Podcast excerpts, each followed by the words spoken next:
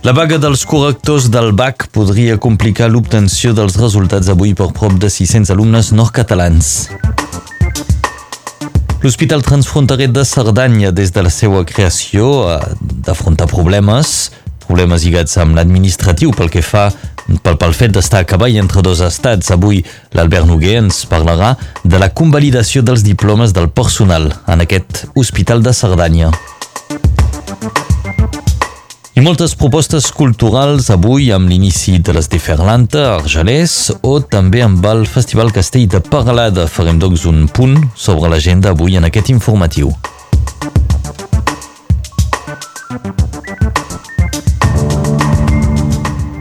La prefectura dels Pirineus Orientals ha elevat el risc d'incendi en dues zones de Catalunya Nord. Són concernides la plana del Rosselló i el massís de les Alberes.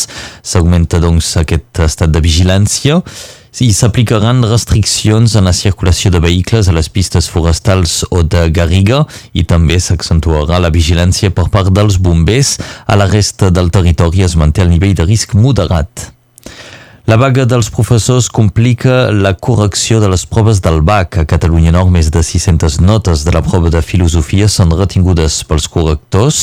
A Liceu Jean Lursal, els professors han votat una moció per refusar de deliberar sobre els alumnes de qui no es tinguin totes les notes. Una decisió que suposa la posició del ministre d'Educació que proposa substituir la nota del BAC per la mitjana anual de les proves contínues. Els sindicats denuncien que diversos candidats podrien ser perjudicats per aquesta mesura. A partir d'aquell cap de setmana podrem agafar l'autobús directe per anar fins a la platja des de Perpinyà. Els autobusos de la xarxa Sanqueo proposaran línies directes des de l'estació de TGV de Perpinyà fins a Canet, el Marcarès, Santa Maria i Torelles. La novetat és que les línies seran directes amb temps de trajectes reduïts. Aquest servei serà actiu fins a finals del mes d'agost amb un preu del bitllet d'un euro 30. La clínica Nostra Senyora de l'Esperança de Perpinyà canvia de nom i passa a anomenar-se Policlínica Mediterrani. Aquest nom escollit pels metges i assalariats entre ja en vigor, però serà estrenat oficialment amb una nova senyalització a la tardor. La Policlínica Mediterrani acull cada any 5.000 pacients amb un total de 150 assalariats, més de 40 metges i un pressupost de 4 milions d'euros invertits en els dos darrers anys. Un incendi va cremar en un terreny abandonat del barri del Bernet, prop de l'estadi de Megiral. 4.000 metres quadrats van cremar abans que els bombers puguin controlar les flames. Els mainatges de l'escola de Victor Hugo van haver de tancar-se dins de l'escola mentre intervenien els bombers. L'Hospital Transfronterer de Cerdanya continua sent un laboratori a escala real que permet descobrir els problemes administratius als quals una tal estructura es pot topar a causa de les diferències de legislacions entre estats europeus. Per exemple, als seus inicis es va haver de trobar una solució per evitar que els naixements i defuncions de ciutadans francesos a l'hospital no fossin tractats com si es produïssin a l'estranger. Una nova etapa ara és la convalidació dels diplomes del personal. Albert Noguer. L'Hospital de Cerdanya és objecte de l'atenció de les autoritats europees que s'ocupen de detectar i resoldre els problemes que planteja la cooperació entre estats membres a les zones frontereres internes. Aquesta vegada l'hospital rebrà ajuda per resoldre una dificultat d'ordre administratiu amb què es troba en el dia a dia, el reconeixement dels títols dels professionals d'un país per part de les autoritats de l'altre. Aquest procés, que és un requisit previ perquè metges infermeres, llevadores i altres perfils sanitaris puguin treballar a les dues bandes de la frontera és feixuc, diferent en cada país i normalment comporta llargs mesos de gestions.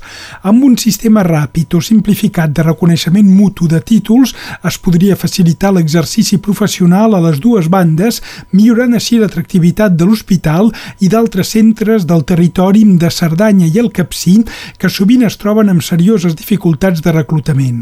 L'hospital beneficia per això d'una ajuda de la Direcció General per a les Polítiques Regionals i Urbanes de la Comissió Europea que farà treballar experts sobre aquesta qüestió per trobar una solució. Per altra banda, a finals d'aquest 2019 està prevista que s'acabi una altra experimentació transfronterera, en aquest cas per coordinar i compartir recursos en matèria d'urgències entre el SEM sud-català i el SAMU de l'estat francès. Moltes gràcies, Albert Noguer. Parlem ara del grup de treball de detencions arbitràries de l'ONU que considera que la presó preventiva de Quim Forn, Raül Romeva, Josep Rull i Dolors Bassa és arbitrària i demana que se'ls alliberi immediatament. Com ja ho va fer ara fa uns mesos amb Oriol Junqueras, Jordi Sánchez i Jordi Cuixart, el grup demana al govern espanyol que adopti les mesures necessàries per alliberar els presos com més aviat millor. A més, també sol·licita que se'ls concedeixi diverses indemnitzacions i reparacions. El calendari cultural i festiu de l'estiu ens proposa moltes cites ben diferents ja a partir d'avui. Comencem per destacar l'inici del Festival de Ferland al castell de Valmy, d'Argelers de la Marenda, doncs, on damunt de l'escenari hi tindrem artistes avui com Jane, el cantant Emma o els germans Big Flo i Oli, una cartellera de luxe, però cap més bitllet disponible per avui. En canvi, sí que podreu comprar places encara en queden per dissabte, diumenge o dilluns. I també comença avui el Festival Castell de Peralada a l'Empordà. Aquesta 33a edició comença amb el ballet del Teatre Marinsky de Sant Petersburg. Demà actuarà Charlotte Gainsbourg a les 10 de la nit. Fins al 17 d'agost el Festival Castell de Peralada presentarà fins a 25 espectacles. I altre festival que volem destacar en un estil ben diferent és la cantada d'habaneres de Calella de Palafrugell. Cada any, el primer dissabte del mes de juliol, aquesta vila de Costa Brava s'omple per escoltar cants mariners. Enguany, la cantada de Calella de Palafrugell celebra la 53a edició. I els esports, recordem que aquest dissabte comença el Tour de França, que enguany sortirà de la Gran Plaça de Brussel·les. L'organització del Tour va decidir sortir de Bèlgica per commemorar el 50è aniversari de la primera de les cinc victòries de al Tour entre els anys 1969 i el 1974.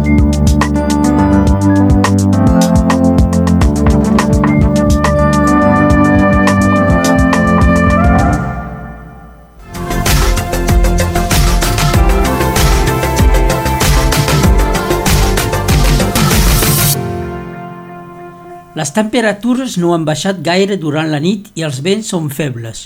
Durant el dia, les màximes seran totes per sobre de 30 graus o molt a prop en zones de muntanya. Encara no hauria de caure cap gota sobre les nostres terres. És el 1949 que es va registrar la temperatura més altes a Ribes Altes, va fer 35 graus.